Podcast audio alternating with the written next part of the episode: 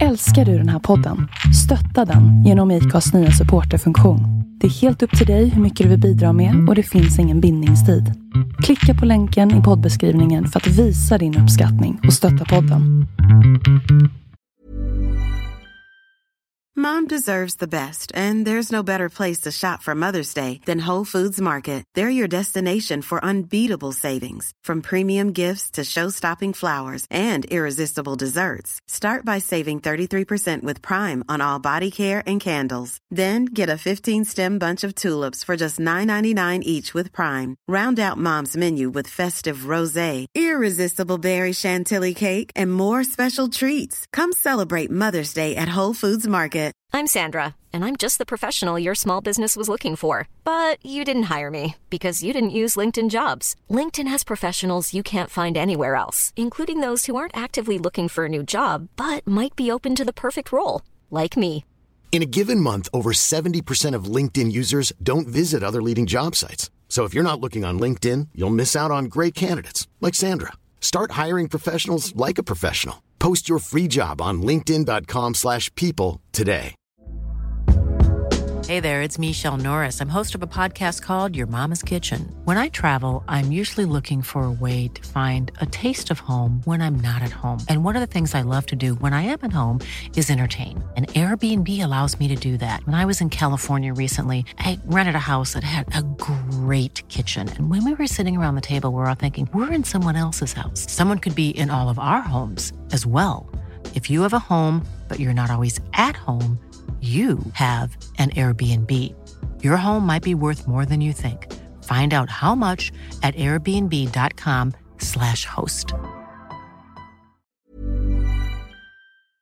Hej, det är Melinda här. När jag och min man köpte vårt hus så ville vi självfallet skydda det mot inbrott, brand och vattenskador. Vi tog in offerter från lite olika larmbolag men valde därefter Säkra Larm. Vi gillade Säkra Larms koncept med att äga sitt larm och slippa de dyra abonnemangsavgifterna, samtidigt som vi fick det smarta hemmet. Vi rekommenderar varmt en säker, smart och prisvärd larmlösning ifrån Säkra Larm. Besök säkralarm.se du med! Hej och välkomna till ett nytt avsnitt av, ja just det, Sveriges mest tongivande podcast.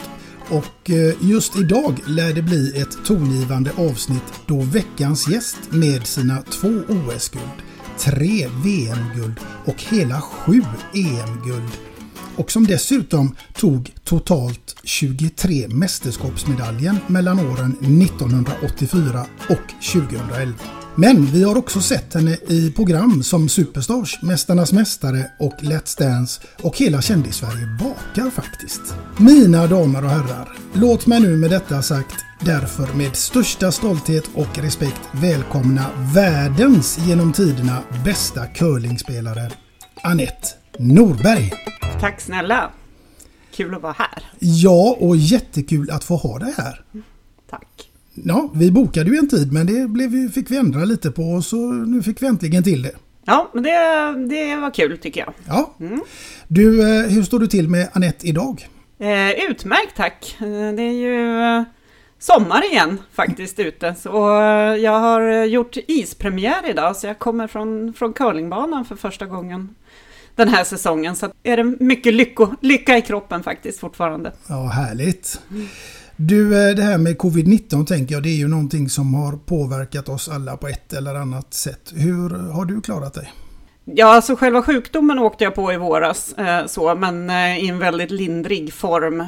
Sen för övrigt så har det varit rätt positivt faktiskt för, för min egen del. Jag har suttit hemma och jobbat i ett och ett halvt år nu och, och trivs väldigt, väldigt bra med det faktiskt. Så att, eh, jag har inga planer att återgå till att eh, åka till kontoret fem dagar i veckan när, eh, när det här är över. Utan det är mera lugn i, i kroppen, eh, mera tid för att träna. Jag har ju haft mycket bollar i luften under väldigt lång tid så att det har varit lite mindre av det. Så fokusera mera på, på mig själv och på de nära och kära. Mm. Du, eh, vad jobbar du med idag?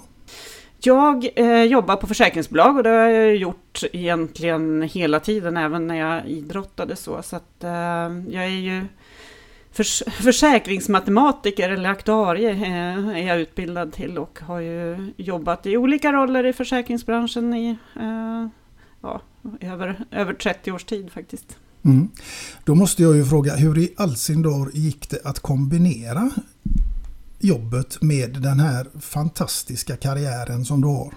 Ja, det gick ju, men eh, det har väl kostat eh, lite så. Men, men jag har ju haft turen att ha haft både förstående arbetskamrater, förstående arbetsgivare och ett jobb som faktiskt har gått att utföra på, på distans. Och det kan jag väl säga nu under pandemin att det var ju en fördel. Jag har ju tränat på att jobba på oregelbundna tider och på olika orter eh, egentligen eh, under hela, hela mitt arbetsliv i, egentligen. Och, eh, jag, tycker ju, jag tycker ju om det. Jag blir ju inte stressad av att liksom aldrig kunna stänga av eh, jobbet och liksom bara jobba 9 till 5 utan jag har inga problem och om det passar mig bättre att jobba en kväll eller en helg då, och så sen göra någonting annat än vardag så tycker jag att det är jätteskönt att ha den, den möjligheten. Och det har ju varit en förutsättning för mig att kunna idrotta och jobba eh, och ha familj samtidigt om eh, att jag har haft den möjligheten att, att jobba så flexibelt. Mm. Det ska komma in mer på det sen. Men Annette, det är ju så här att den här podden handlar ju också till stor del om ämnet musik. Mm.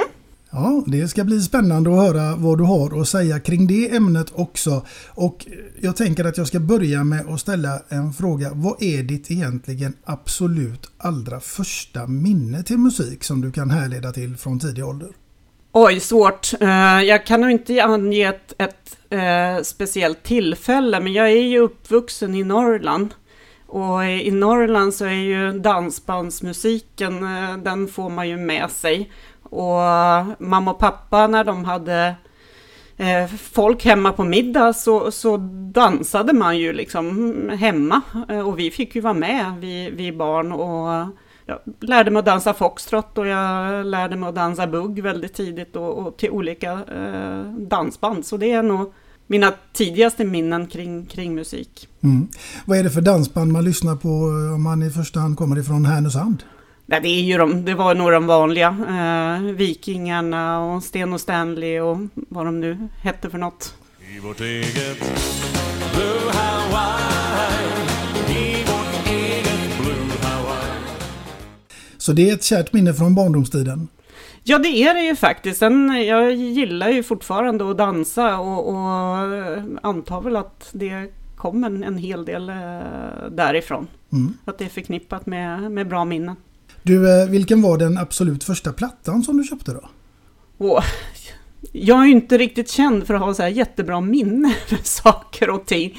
Eh, jag kommer ju mera ihåg att man satt där med sin kassettbandspelare och spelade in tracks och, och så. Det, det, var nog det som var min första. Jag, jag vet att jag hade en eh, skiva med Smokey, och jag, eller ett kassettband var det nog kanske snarare. Och ett med backar. Alltså att, eh, det är nog kanske de två första.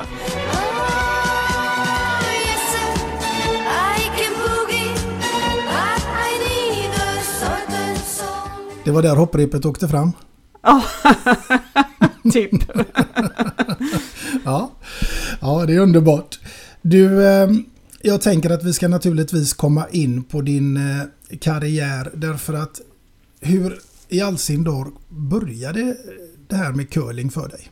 Det var ju inte så konstigt eftersom min mamma och pappa spelade curling. Så att eh, så fort jag varit tillräckligt stor egentligen för att prova så tog de ju med mig. Man kan ju inte börja med curling så, så i så låga åldrar som man kan i andra idrotter. De där stenarna är ju ganska tunga så de, de kräver ju en del. Så att före 9-10 års åldern är det svårt att börja. Så det var väl någonstans eh, där som jag var på curling curlingisen första gången. Men däremot så har jag ju varit i curlinghallar så länge jag kan minnas eftersom precis som jag har haft med mina barn eh, under min karriär så fick ju jag och syrran åka med mamma och pappa när de åkte iväg och spela. Men då, då var det ju mera lokalt i Västernorrland men medan jag har släpat runt mina barn då runt hela världen.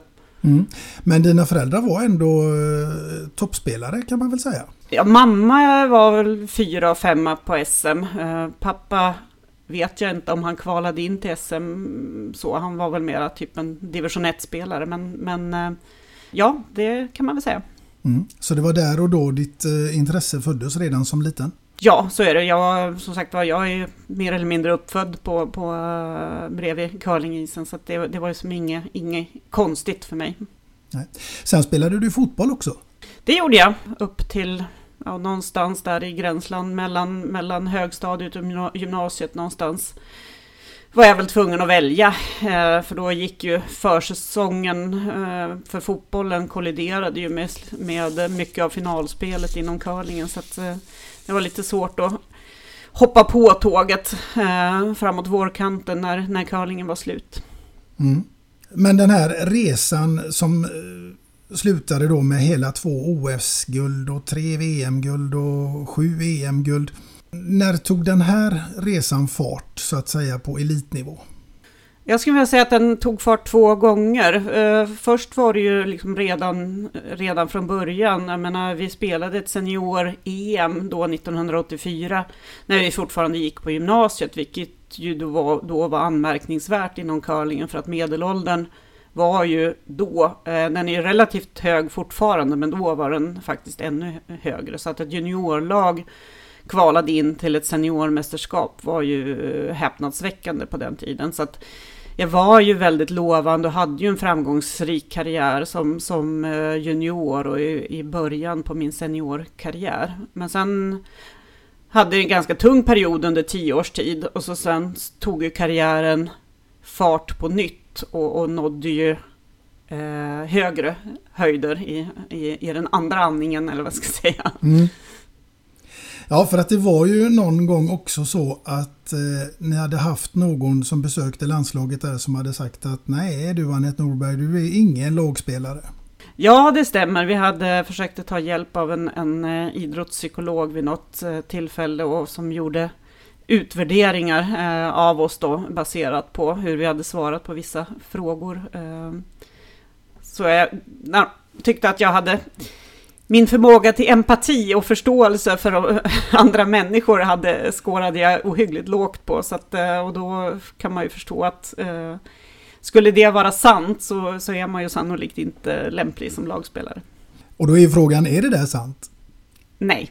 Nej. Det är inte sant. Men ibland är det ju svårt med sådana där, man svarar ju ibland på frågor utifrån från visst, ett visst eh, sinnesstämning eller ett visst perspektiv och så. Så att det, mm, jag tror ju att det finns mycket att hämta i den typen av undersökningar och jag har gjort flera därefter. Men, men man, man ska nog vara försiktig och man kanske ska göra fler än en, en, en sån undersökning innan, man mm, drar så drastiska slutsatser.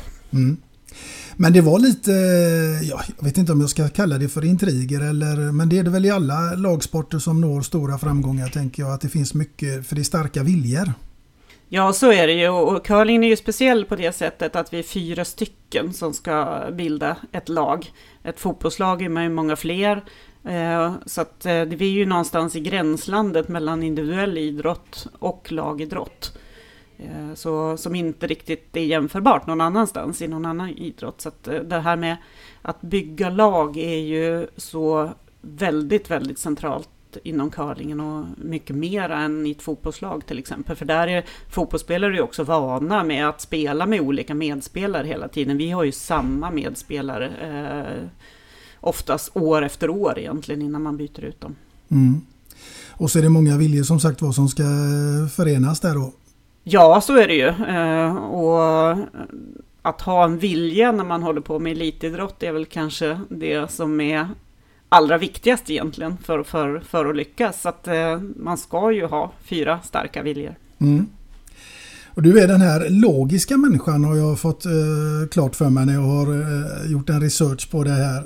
Ja, som matematiker så har man ju, tror jag, ofta en, en fallenhet för att bygga eh, saker och ting på, på logik eftersom eh, matematiken i sig är, handlar ju väldigt logiskt i mång, mångt och mycket. Mm. Som du dessutom har fil. kand. i? Eh, ja, det stämmer i matematik och matematisk statistik. Mm.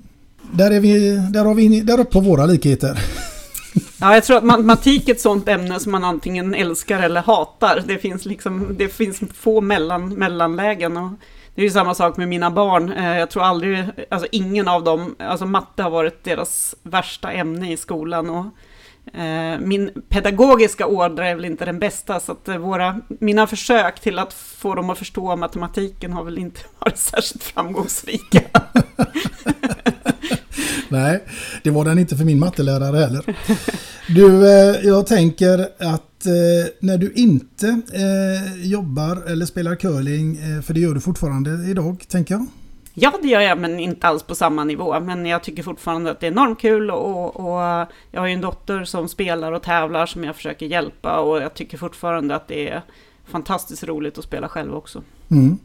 Och därutöver så är det också ju så att du föreläser en del. Det händer absolut. Jag, inte, det är inget jag lever på såklart eftersom jag har ett annat jobb, men jag tycker det är otroligt roligt att möta folk och få dela med mig och berätta både om det vi har upplevt på, inom idrotten men eh, också inom näringslivet och prata om hur man bygger lag, hur man når mål och ledarskap och lite sådana frågor som, som uh, ligger mig varmt om hjärtat och det, det är kul att, att, få prata med andra om, om det också. Mm. Verkligen. Du, eh, nu är det så här att vi ska gå tillbaka lite grann här till ämnet musik och din fantasi. Och då kommer vi in på följande scenario. Du ska åka till en öde ö. Och där ska du vara i ett år. Du får bara ta med dig en platta. Vilken blir det? Um, oj, nu har jag två stycken att välja mellan. Um, men det får nog bli Dire Straits. Och då är det frågan om vad den skivan hette med, med Telegraph... Love over Gold heter den. Den åker med? Japp. Och då klarar du dig? Ja, då klarar jag mig. Ja, du får ha en sten med dig också kanske. Ja, helst. Ja, fast det är ju lite svårt på ö. Jag behöver ju is också, så att... Ja. Nej, den får nog vara hemma. Ja. Nu kommer en sån här tråkig eh, grej då. Curlar du dina barn? Nej. Nej. den frågan har jag aldrig fått förut Nej. faktiskt. Nej. Nej. Nej. Nej. Det var första gången. ja, du, eh, när det kommer till det här med musik så var det ju faktiskt så också att eh, om vi håller oss tillbaka till idrotten där, Hammerfall. Japp. Och låten? Eh, Hearts on Fire. Just det.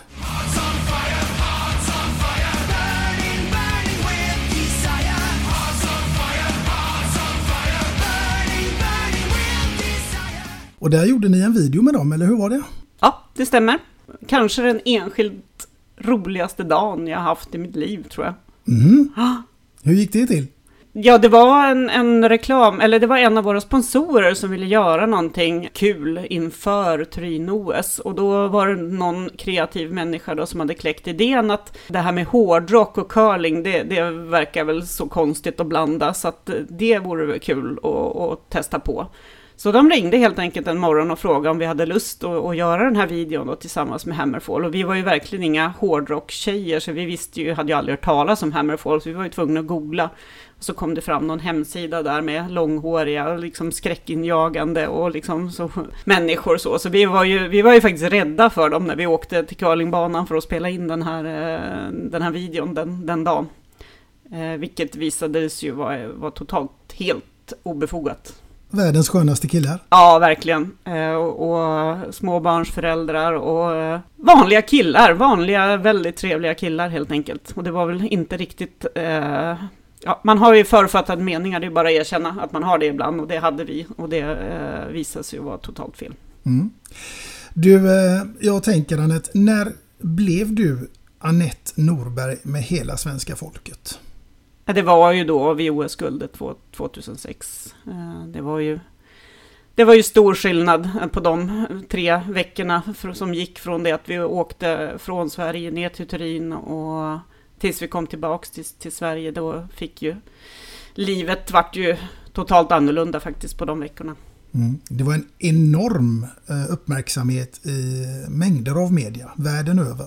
Ja, eh, häpnadsväckande faktiskt. Eh, och jag har egentligen funderat lite på, på efteråt egentligen varför och jag vet inte om jag har något bra, bra svar på varför, varför det blev så otroligt stor uppmärksamhet. Eh, men, men finalen var ju väldigt rafflande, eh, så, så var det ju. Den, hade man gjort en film eh, om, om en spännande final så hade man gjort den ungefär så som den OS-finalen blev, tänker jag. Och så gick den ju i Europa och det var bra sändningstider. Mycket av OS går ju oftast när de går i antingen i Asien eller i eh, Amerika blir det ju mycket att det inte är på bästa sändningstid, men, men det var ju det här, så det var väl också en anledning kanske.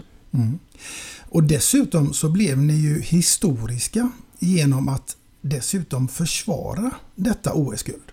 Ja, det, det blev ju sen. Det har jag ju fått veta sen att det inte är så vanligt att man har försvarat eh, ett OS-guld eh, inom svensk olympisk idrott.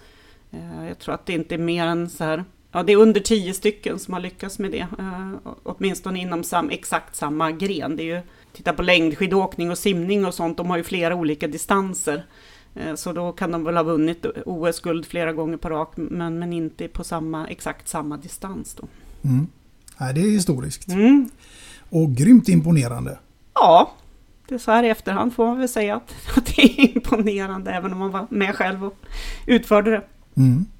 Händer det att folk kommer fram till dig och stannar dig på stan och vill ta en bild och få en autograf och sådär?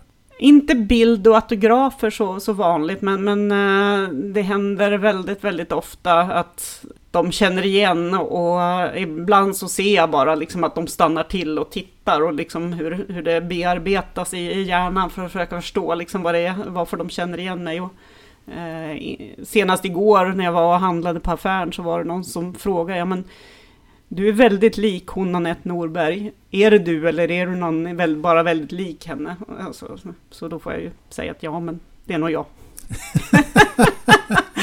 ja, ja, men jag tänker också att du har ju skördat framgångar utanför curlingbanan i en del tv-program. Ja, en, en, en, del i alla fall, även om jag inte har skördat några stora framgångar i de, i de flesta. Så, men men det, jag, jag, alltså, jag tycker att det är otroligt kul och, och man har ju eller jag har ju tackat nej till ett antal också. Och eh, vissa, men vissa saker tycker jag ju är otroligt roligt att göra och vara med på. Så att, eh, och jag är väldigt tacksam över att jag har fått möjligheten att vara med i de här tv-programmen, för det är fantastiskt kul. Mm. Jag måste ju bara få fråga dig, i ett sånt program som jag själv älskar, Mästarnas Mästare. Mm. Det måste ju vara fantastiskt att få möta de här människorna och bo tillsammans under en period. Ja, det är ju det som är själva grejen. Att Eh, det är ju inte tävlingen i sig, åtminstone inte för mig, som var anledningen till, till att vara med, utan det är ju för att lära känna eh, de här idrottarna som, och ta del av deras upplevelse eh, när man är där. Det är ju otroligt roligt. Mm. Du var ju med tillsammans med, vilka var det i Mästarnas Mästare? Det var ju Daniela Rundqvist som, som vann. Ja, så jag har en tendens till att blanda ihop med Superstars och Mästarnas Mästare. Eh, men hon vann ju och så Magnus Muren var med, Björn Lind, eh, Glenn Hussein. Ja, var Glenn med så har ni inte haft det tråkigt? Nej, nej absolut inte. ja, jag är ledsen för er, jag glömde bort nu, men, men eh, ja, ja, mm, som sagt var. Minnesmästarna är inte riktigt min, min bästa gren. Nej, men vi ska se, kommer du ihåg eh, Let's Dance? Det kommer jag ihåg.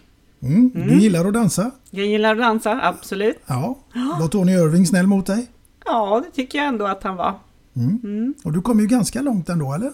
Ja, jag var väl eh, var en fyra, fem, fem, sex veckor. Jag kommer inte riktigt ihåg. Men sen, eh, sen var jag faktiskt ganska ganska nöjd. Det är, ju, det är ju otroligt krävande. Det är fantastiskt roligt och kanske det roliga, eller det är det roligaste av tv-programmen som jag har gjort. Men, men det är ju precis som du säger, man, man dansar ju helst 5-6 timmar om dagen och till skillnad från många andra som är med i Let's Dance så eh, jobbade ju jag ju fulltid eh, dessutom. Jag var ju tvungen att åka till kontoret så jag tränade på morgonen, åkte och jobbade på dagarna och tränade på kvällen. Så att efter att ha gjort det i tio veckor, för man tränar ju ett antal veckor innan eh, själva sändningarna börjar också, så, så var jag ganska trött och sliten plus att jag knäckte ett reben där när vi höll på att träna samba. Eh, så att eh, det, det, det, det kändes helt okej okay faktiskt att åka ut när jag åkte ut. Ja, men du, det ska du inte få göra här idag för nu är det nämligen så att du Anette Norberg är i final i Let's Dance och jag vill veta med vem du hade dansat och här är det bara fantasin som sätter gränserna.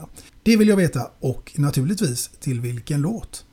Nej, men jag skulle ha valt att dansa med Gene Kelly, Singing in the Rain tror jag. Se där ja. Ja, det är ett bra val. Ja, det tror jag Tony Irving hade gillat också. Ja. du, vi ska ta oss vidare in i eh, den här fantasins värld. Därför att nu är det så här Anette, att du ska ha en middag hemma. Mm. Och du ska ha en gäst. Också där är det bara fantasin som sätter gränserna. Jag vill veta vad hade du bjudit på till middag? Vem hade gästen varit? Och eh, vilken låt hade fått ligga där i bakgrunden? Oj, vilka svåra frågor du ställer. Um, um, om vi börjar med uh, maten då, som jag ska bjuda på, då får jag väl ta min paradrätt då som är kåldolmar. uh, så. Sen, vem skulle jag vilja bjuda på, på middag? Hmm. Nej men då, då tror jag att jag skulle eh, vilja bjuda Jussi Björling på middag. Mm. Och vilken låt hade fått eh, ligga där i bakgrunden till den här fantastiska middagen med kåldolmar och Jussi Björling? Ja, vad ska vi ta då då? Eh, ja, det får ju bli någonting av, av eh, Jussi själv då, tänker jag. Eh, så lite till havs kanske? Mm. Den hade fått, ja det hade ja. passat grymt bra. Ja.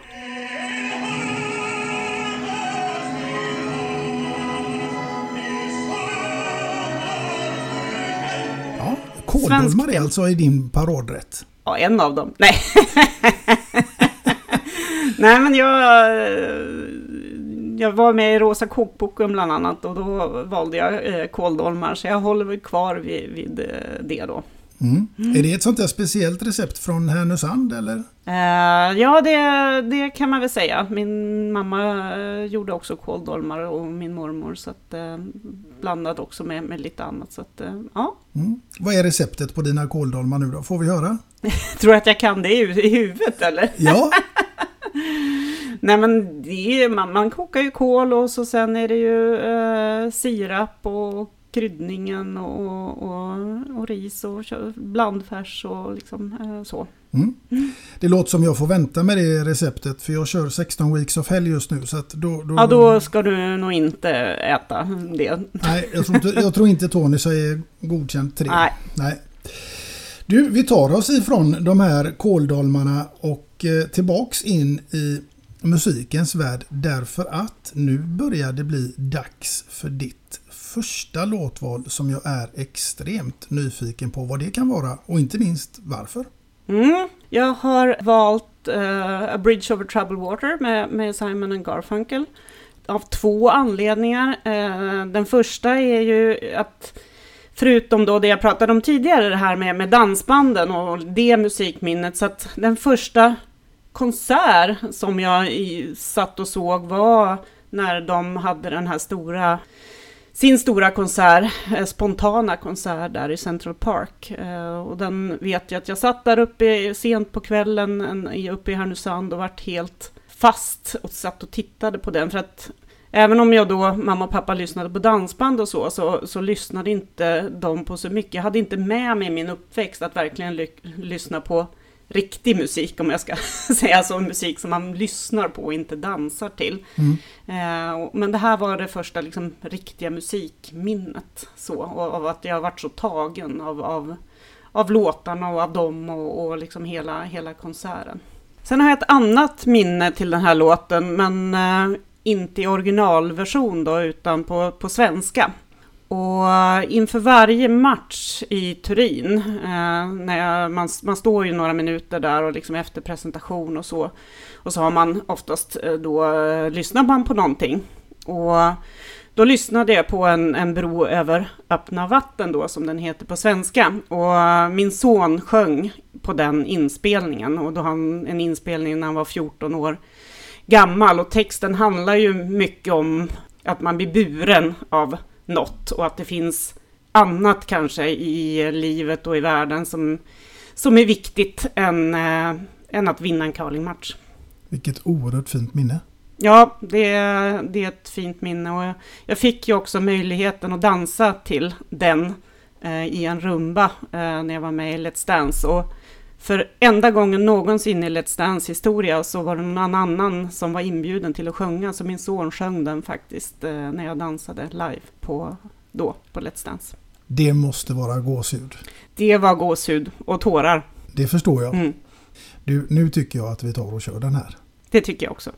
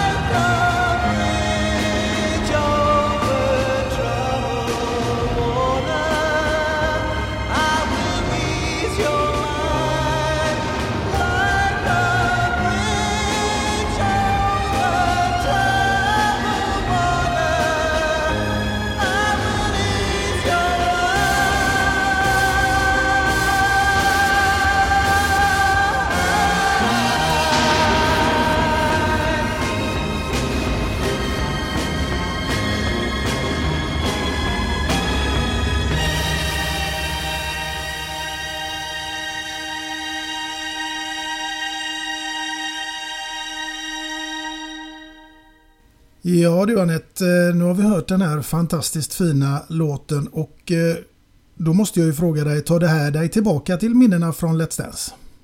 Ja, det, eftersom det här är originalet så är det på engelska med någon annan. Så att eh, det, det för mig är ju det starka minnet både inför OS-matcherna och till Let's Dance då när att min son sjunger den. Men, men den är ju den är fortfarande väldigt, väldigt fin så. Mm, absolut. Mm.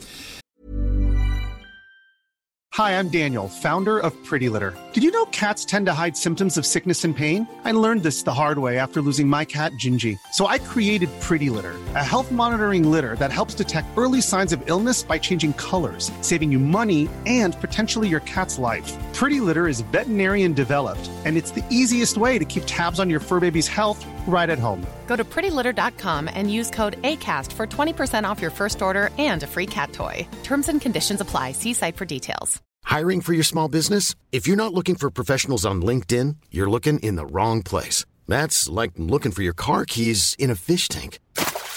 LinkedIn helps you hire professionals you can't find anywhere else, even those who aren't actively searching for a new job but might be open to the perfect role. In a given month, over 70% of LinkedIn users don't even visit other leading job sites. So start looking in the right place. With LinkedIn, you can hire professionals like a professional. Post your free job on linkedin.com slash people today. Even when we're on a budget, we still deserve nice things. Quince is a place to scoop up stunning high-end goods for 50 to 80% less than similar brands. They have buttery soft cashmere sweaters starting at $50, luxurious Italian leather bags, and so much more. Plus, Quince only works with factories that use safe, ethical, and responsible manufacturing. Get the high-end goods you'll love without the high price tag with Quince. Go to quince.com/style for free shipping and 365-day returns. Since 2013, Bombas has donated over 100 million socks, underwear, and t-shirts to those facing homelessness if we counted those on air, this ad would last over 1,157 days. But if we counted the time it takes to make a donation possible, it would take just a few clicks. Because every time you make a purchase, Bombas donates an item to someone who needs it. Go to bombas.com slash ACAST and use code ACAST for 20% off your first purchase. That's bombas.com slash ACAST, code ACAST. Millions of people have lost weight with personalized plans from Noom like Evan, who can't stand salads and still lost 50 pounds. Salads, generally, for most people, are the easy button, right? For me, that wasn't an option. I never really was a salad guy. That's just not who I am. But Noom worked for me. Get your personalized plan today at Noom.com. Real Noom user compensated to provide their story. In four weeks, the typical Noom user can expect to lose one to two pounds per week. Individual results may vary. Du, jag tänker att det här med just ämnet musik, det är ju någonting som egentligen påverkar oss alla människor här i livet på ett eller annat eh, sätt. Och inte minst inom idrotten tänker jag att det är ganska vanligt att man kanske har någon låt som man vill lyssna på och tagga till till inför en viktig match eller hur det nu kan vara. På vilket sätt är musiken eh, viktig för dig i livet? Nej men det, det, är ju så, nu har jag ju en, en son då som är professionell inom, inom musiken och, och sjunger och det är ju lite märkligt för att jag kan själv inte ta en ren ton enligt hans utsago. att, att, eh, att få ett, ett barn då som eh, håller på med, med musik. Så att, eh, att följa hans karriär är ju en, en stor del, precis som man vill följa och hjälpa sina barn. Nu kan inte jag hjälpa honom särskilt mycket då, ska jag ju erkänna, men man följer ju dem. Så, att, eh, så på så sätt så lever jag ju musik och gillar att lyssna på musik när jag tränar, ja, vid olika tillfällen. Så att, eh, ja, musik är viktigt. Mm. Vad är det, du får berätta lite här nu om din son. Ja, eh, han eh, är som sagt var mm, professionell operasångare. Han eh, har precis kommit tillbaks från eh, två år i Paris eh, på Parisoperan och ska tillbaks till Parisoperan här eh, och göra ett visst antal engagemang eh, under kommande säsong. Så att eh, ja, jätteroligt eh, såklart att följa honom. Det är ju en, en väldigt tuff bransch att ge sig in i. Alltså konkurrensen är ju stenhård och det är ju att ställa sig på en scen och bli bedömd hela tiden och det är auditions och du ska liksom söka jobb och du ska ja, det är ju väldigt få som håller på med det, så att även om, om då sen som sagt var konkurrensen är knivskarp verkligen. Mm. Verkligen. Hur skulle du se på, om vi håller oss till ämnet curling eh, också, hur ser du på konkurrensen där idag? Ja, alltså curlingen utvecklas ju hela tiden eh, och går ju framåt som i så många andra idrotter. Det är ju både spelare och material och sånt som, som, eh, som blir bättre. Men, men Sverige har väl idag, skulle jag säga, eh, både världens bästa damlag och världens bästa herrlag. Däremot så är ju konkurrensen här hemma i Sverige, framförallt på herrsidan idag, väldigt tunn, tyvärr. Mm. Men sen om man tittar på världen så är ju det stora curlinglandet är ju Kanada. Och det är ju, de har ju någonstans runt en miljon utövare där, vilket är lika mycket som de har hockeyspelare i detta hockeyland. Så att man förstår digniteten av storleken på, på sporten curling i det landet. Så att, eh, och framförallt på damsidan så har ju, eh, är ju Kanada inte längre dominerande på det sätt som de har varit i all världens tider, höll jag på att säga. Men eh, på här sidan eh, är man ju fortfarande, ja, på ett sätt, åtminstone när det gäller bredd, väldigt dominerande. Mm. Ja, det är en sport som förtjänar eh, ett större eh, utrymme tycker jag i, i, i media och annat här i Sverige. Ja, det är en väldigt bra tv-sport. Det är ju vad, vad de flesta säger så, som börjar prata curling. Att man tycker det är fantastiskt kul att titta, titta på tv. Men det, det blir mer och mer för varje år. Så att, eh, jag är, jag är glad för det. Mm. Ja, jag är en av dem som satt och, eh, i soffan och, och med spänning följde OS-finalen givetvis. Mm. Eh, grymt häftigt. En grymt bra tv-sport mm. som du säger. Du, vi ska ta oss ifrån den här grymma tv-sporten curling till eh, någonting helt annat. Och eh, det är väl så här att du känner till de sju dvärgarna eller de sju kortväxta eller hur man nu ska uttrycka det idag. Men du ska få en liten uppgift här nu eh, Annette och det är så att Louise Karlsson och Susanne Gunnarsson och Helene Alfredsson ska du placera ibland de här sju.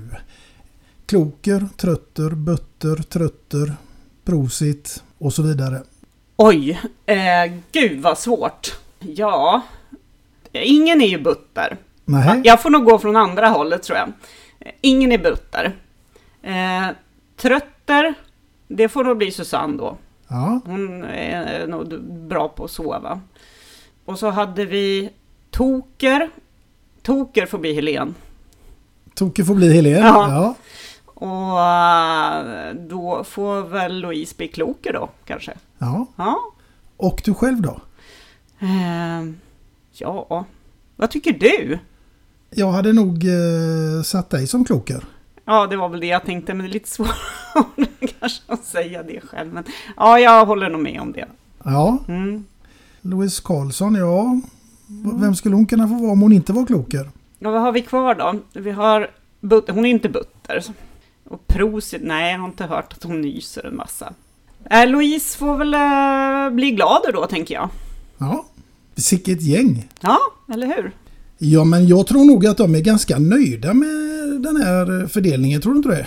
Jag hoppas det i alla fall. Ja, mm. få höra vad Susanne tycker om att vara trött. Ja, hon är inte jättetrött, det kan jag inte påstå. Men, men uh, hon gillar att, att ligga och dra sig på morgnarna. Så. Ja. Du, vi ska ta oss ifrån det till att allting här i livet är ju inte så fruktansvärt roligt jämt. Och det vet ju även du, så att allt har ju inte varit framgång för dig här i livet. Nej, så är det ju. Så det, det är ju så livet är. Mm. Det är upp och ner. Jag tänker, du har genomlidit en skilsmässa. Du har genomlidit eh, en eh, cancer. Ja. Samtidigt som du har gjort den här karriären. Det måste ju naturligtvis vara grymt tufft. Hur var det med den här eh, cancern som uppdagades 2013? Det var ju ohyggligt tufft såklart. Det, det är ju, vet ju alla som har varit, varit drabbade av det. Så att det, man, man sjönk ju långt, långt, långt ner i ett eh, hål av förtvivlan och rädsla och Eh, massa känslor såklart. Mm. Men eh, idag så anses du vara, jag vet inte om man ska använda uttrycket friskförklarad eller åtminstone fri från det nu. Ja, absolut. Så, så är det ju. Eh, och nu, nu har det, jag har ju lagt ganska många år eh, mellan eh, den diagnosen och det jag är idag. Så. Mm, mm. Och det här med, eh, med skilsmässa och separation och sånt där, det tänker jag, det måste ju, det är ju en känslomässigt jobbig del samtidigt som man ska ut på eh, både banan och i yrkeslivet och, och eh, leverera och prestera. Ja, så, så, så är det ju såklart och, och det är ju en, en jobbig process eh, att ta sig igenom och framförallt då med hänsyn taget när man har barn och ta hänsyn till. Eh, så. Och min dotter var ju en, en väldigt känslig ålder, en, en tjej så i, i 13-årsåldern eh, tror jag är också kanske lite extra känslig och utsatt eftersom det händer så mycket annat i den åldern, framförallt för tjejer. Mm, absolut. Och idag, idag, hur ser det ut för dig idag? Idag ser det väl eh, bra ut tycker jag. Ja, ja. jag har en, en särbo sen, eh, ja hur många år är det? 12 år är det väl snart tror jag. Som, eh, och särboskapet passar oss bra. Mm. Så, så, att, så får vi se vad, vad som blir i framtiden nu. Håller ju, dottern har ju bott hemma fram tills nu och de håller faktiskt på att flyttar just nu. Hon har fått en, en, lägenhet i Solna som vi håller på och försöker fixa till innan de ska ta sitt pick och pack då ganska om någon vecka och, och flytta. Mm. Och då tänker jag så här att nu när din dotter eh, har flyttat och du går där hemma i huset och så är du på radion, du går och städar och helt plötsligt så kommer det en låt där du känner nej, inte en chans. Det här åker rätt av. Ja, jag vet inte om jag har någon speciell, men alltså den här moderna, alltså hiphop och rap och sånt, det är ju inte riktigt min grej, känner jag. Nej, Nej. det går bort. Det går bort. men, men sen, sen är jag nog väldigt mycket all, allätare. Sen, sen finns det även alltså rap och hiphop-låtar som jag tycker om, men, men det är förhållandevis få av de låtarna som, som jag gillar och ganska många som jag tycker är rätt jobbiga. Men inom andra genrer så eh, gillar jag betydligt större andel av, av den musik. Mm. Sen kan jag väl tycka att dagens popmusik är väldigt mainstream och liksom allting låter ju ganska likadant. Och jag lyssnade på en sån här topp 100 på 70-talsrock när jag reflekterade, för inte så länge sedan när jag satt och åkte bil upp till sommarstugan i Härnösand faktiskt, när jag reflekterade över hur otroligt mycket bra rockmusik det gjordes på 70-talet. Mm, absolut. Är det någon favorit har där? Nej, det var bara mängden, liksom, det kom bara låt på låt på låt av olika band och det som man liksom kände igen och, och kommer ihåg och kan sjunga med till och tycker är, är väldigt bra. Så det var mera mångfalden i sig.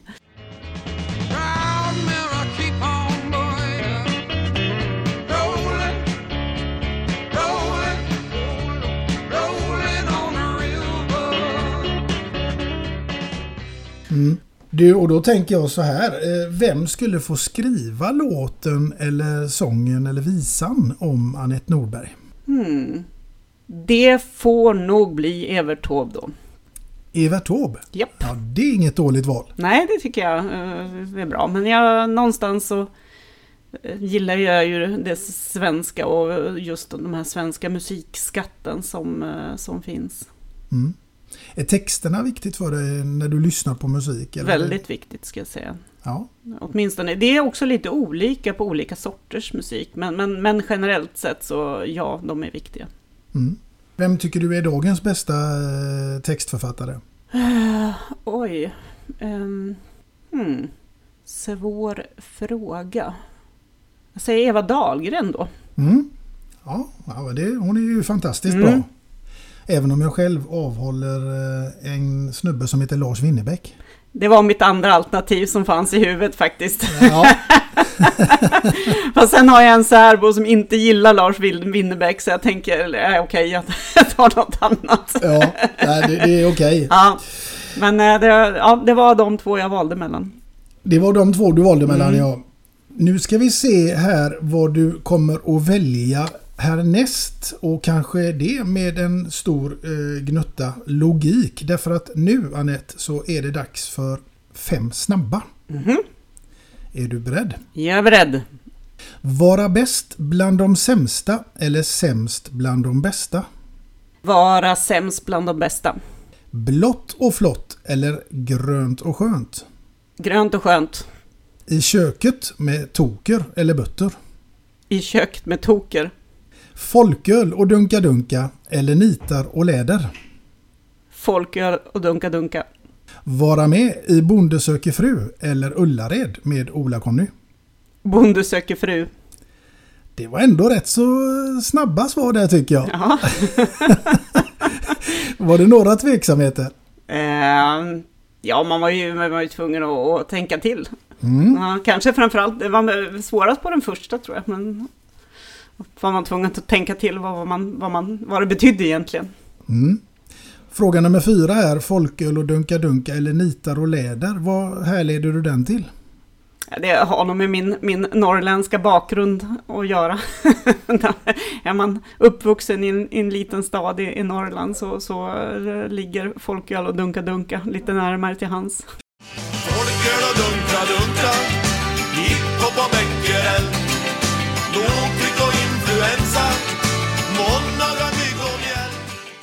Då vill jag också bara göra dig en liten påminnelse om att det här är ju eh, två titlar på två låtar. Mm. Eh, den ena är väl med eh, Sven Rubins och eh, det andra är ju med Magnus Uggla. Mm. Så att eh, det är inte alla som tänker på det utan Nej. en del tänker mm, ja, något Mm. helt annat. Mm. Fast det var ja, jag tänkte nog det helt andra. När du säger det med låttitlarna så, så, så finns det någonstans i bakhuvudet. Men det var inte det som dök upp i huvudet på mig. Nej. Nej. Du, eh, du har ju också fått Victoria-stipendiet. Ja, det var stort. Måste jag säga. Mm. Nej men det är ju, alltså när man håller på med en liten idrott eh, och har på något sätt inte blivit, alltså curlingen har inte alltid varit respekterad av folk i allmänhet, utan det har ju sett som, men är det verkligen en idrott överhuvudtaget? Man blir ju inte svettig, vilket är fel för att det blir man. Prova att sopa ute på en hal is så får ni se hur, hur, hur lätt det är. Och att just få det erkännandet av att curlingen är en idrott som förtjänar detta eh, stipendium och framförallt att finnas med på den listan av, av namn av stora svenska idrottare som har fått priset både före och efter. Så eh, det är en stor ära. Mm. Ja, det förstår jag. Det måste ju vara ett bland de finaste priserna man kan få. Ja, inom, inom idrotten så, så skulle jag säga det. Mm. Sen är vi ju ehm, antagna till eh, internationella Hall of Fame inom curling. Eh, fick veta det här i, strax före sommaren och har inte fått mottagit det ännu. Och det är klart att det är en, en fantastiskt stor ära. Verkligen, och vad roligt. Ja, tack. Du Annette, nu är det så att vi börjar närma oss ditt andra låtval och eh, det är jag också extremt nyfiken på vad det kan vara och naturligtvis inte minst varför. Som jag sa så har jag ju en, en son som är eh, operasångare och han har eh, nu varit i Paris. Och det jag tycker mest om att lyssna på är ju såklart när han sjunger. Sen är jag ännu ingen operaexpert, men, men jag gillar ju att försöka lära mig och, och lyssna på opera och är ju fantastiskt imponerad av hur det, hans, dels hans framsteg och eh, av att höra honom sjunga. För att, att sjunga opera är ju liksom på något vis sångens Rolls Royce på något sätt. De, de tränar ju och använder sina, sina röster på, på ett väldigt speciellt sätt. Så um, självklart så uh, vill jag ju höra honom sjunga då som mitt andra låtval. Mm. Och vilken låt ska vi lyssna till då? Ja, nu är ju den här låten på tyska eh, då, då, och jag har ju läst franska när jag gick i skolan. Det jag vet är att den är från Trollflöjten och eh, rollen som Tamino som han har gjort och jag ska försöka nu eh, uttala någonting på, på tyska. Dis Bildnis ist Besaubenschön. Något åt det hållet. Det, jag tänker inte försöka läsa det. Men du sa ju att du hade läst tyska. Så att... ja, i grundskolan. Men ja. jag tror inte det var sådär jättelyckat faktiskt. Jag borde ha gjort någonting helt annat. Okay. men du, vad spännande. Ja, det är spännande att följa, följa hans karriär framöver.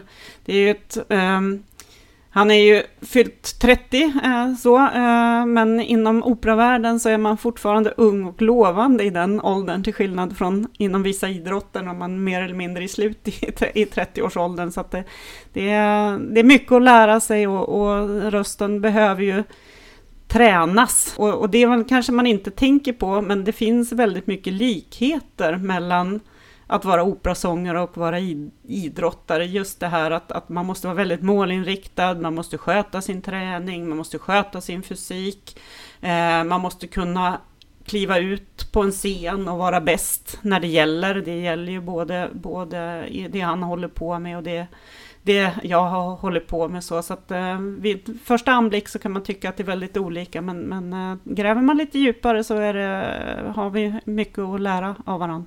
Mm. Du, då tycker jag nu att vi tar och kör den här låten. Det tycker jag också.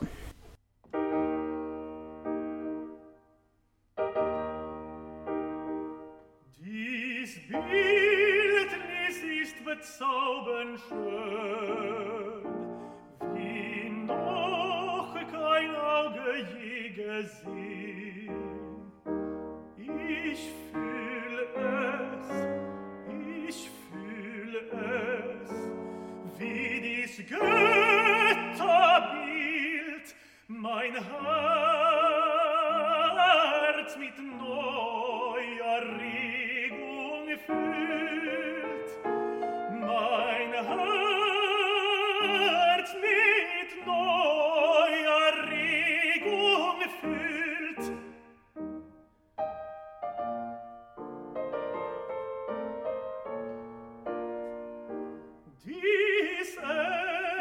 das kann ich zwar nicht nennen, doch fühl ich hier wie Feuer brennen.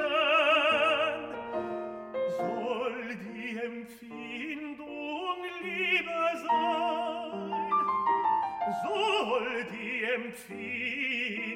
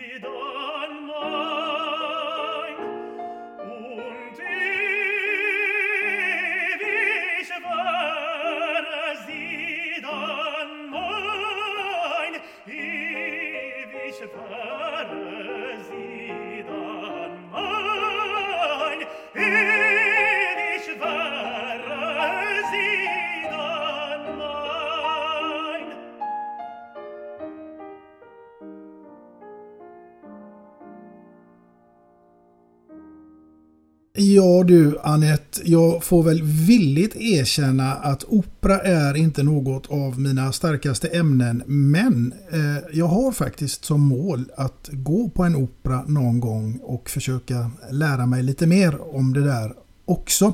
Men det var fantastiskt att höra din son och eh, ja, men då ringer jag dig helt enkelt när han eh, gör en opera här eh, i, i Sverige så kan vi gå tillsammans på opera. Det tycker jag definitivt. Det hade varit fantastiskt eh, roligt. Vi har ju även en opera i Göteborg men pinsamt nog så har jag inte varit där. Nej, men det, då är det dags.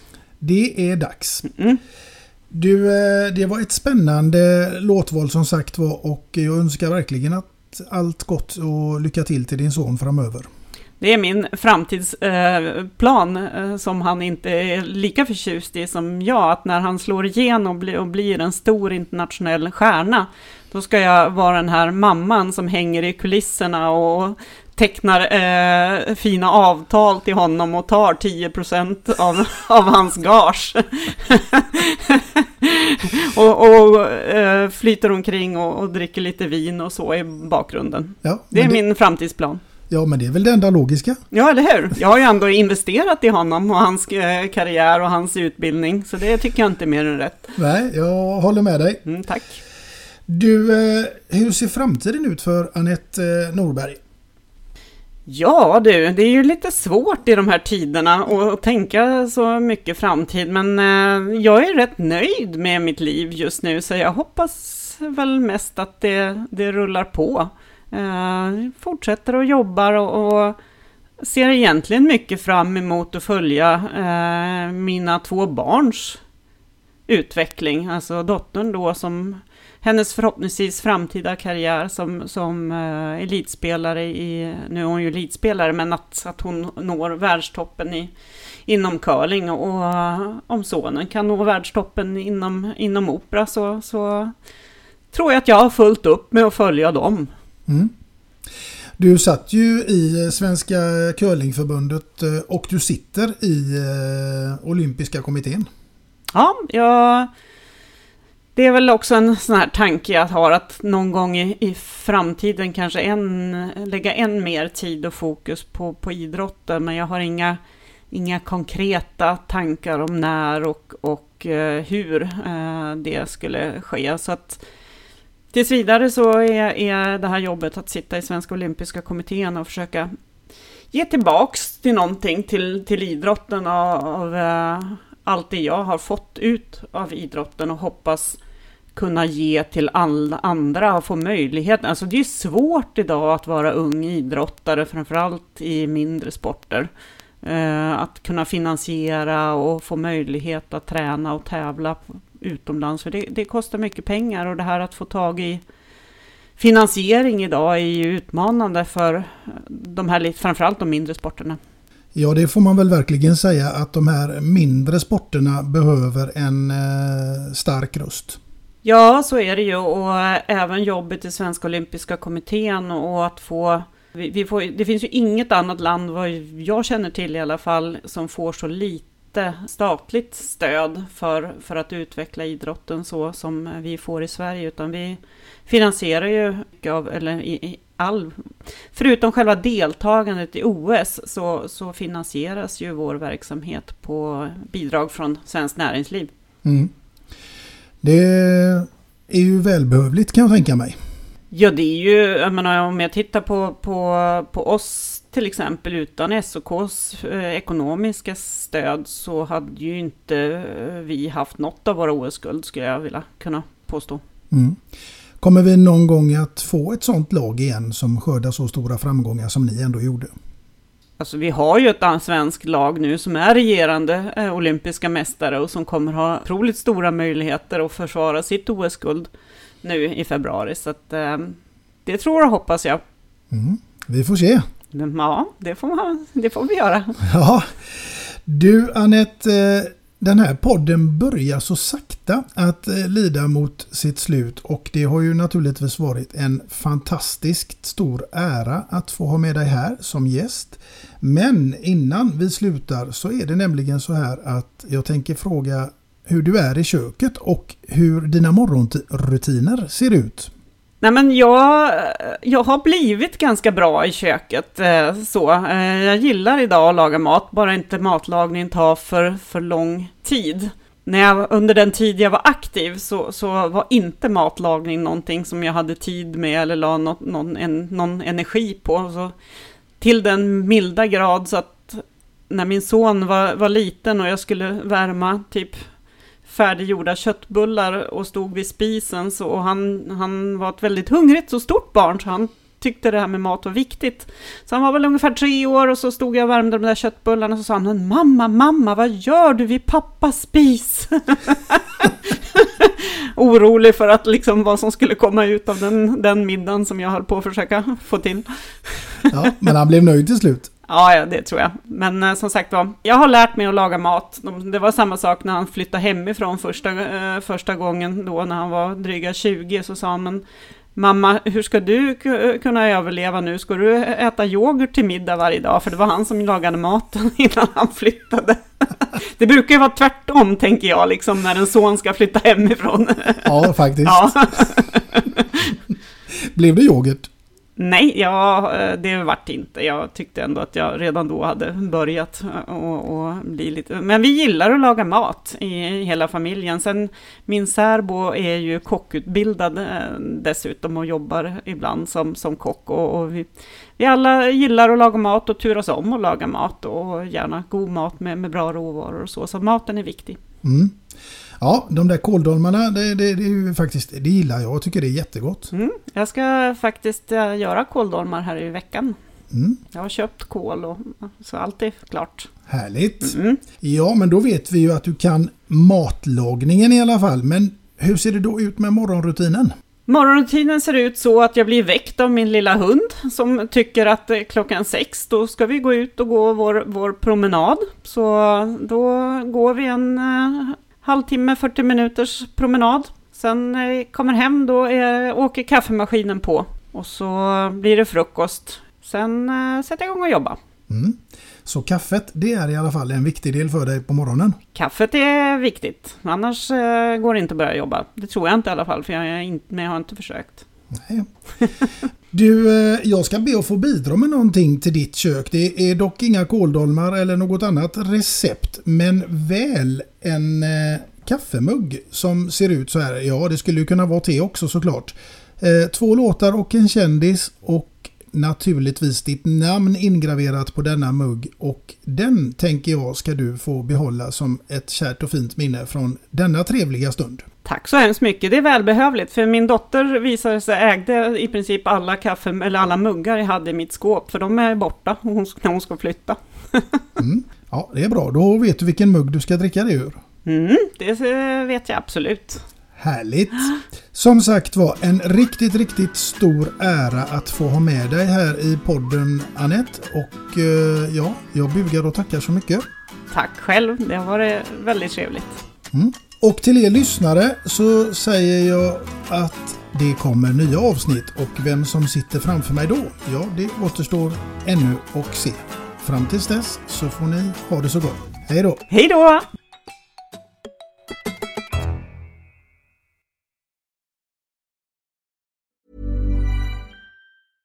Mom deserves the best, and there's no better place to shop for Mother's Day than Whole Foods Market. They're your destination for unbeatable savings, from premium gifts to show-stopping flowers and irresistible desserts. Start by saving 33% with Prime on all body care and candles. Then get a 15-stem bunch of tulips for just $9.99 each with Prime. Round out Mom's menu with festive rosé, irresistible berry chantilly cake, and more special treats. Come celebrate Mother's Day at Whole Foods Market. Hey, it's Danny Pellegrino from Everything Iconic. Ready to upgrade your style game without blowing your budget? Check out Quince. They've got all the good stuff shirts and polos, activewear, and fine leather goods, all at 50 to 80% less than other high end brands. And the best part? They're all about safe, ethical, and responsible manufacturing.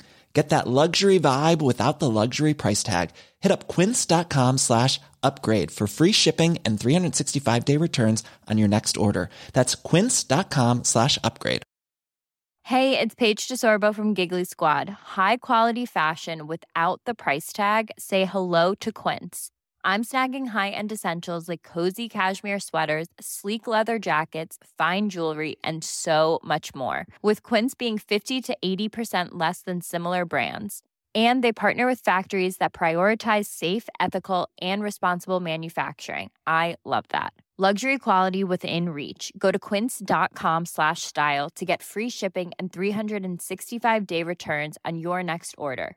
Quince.com slash style.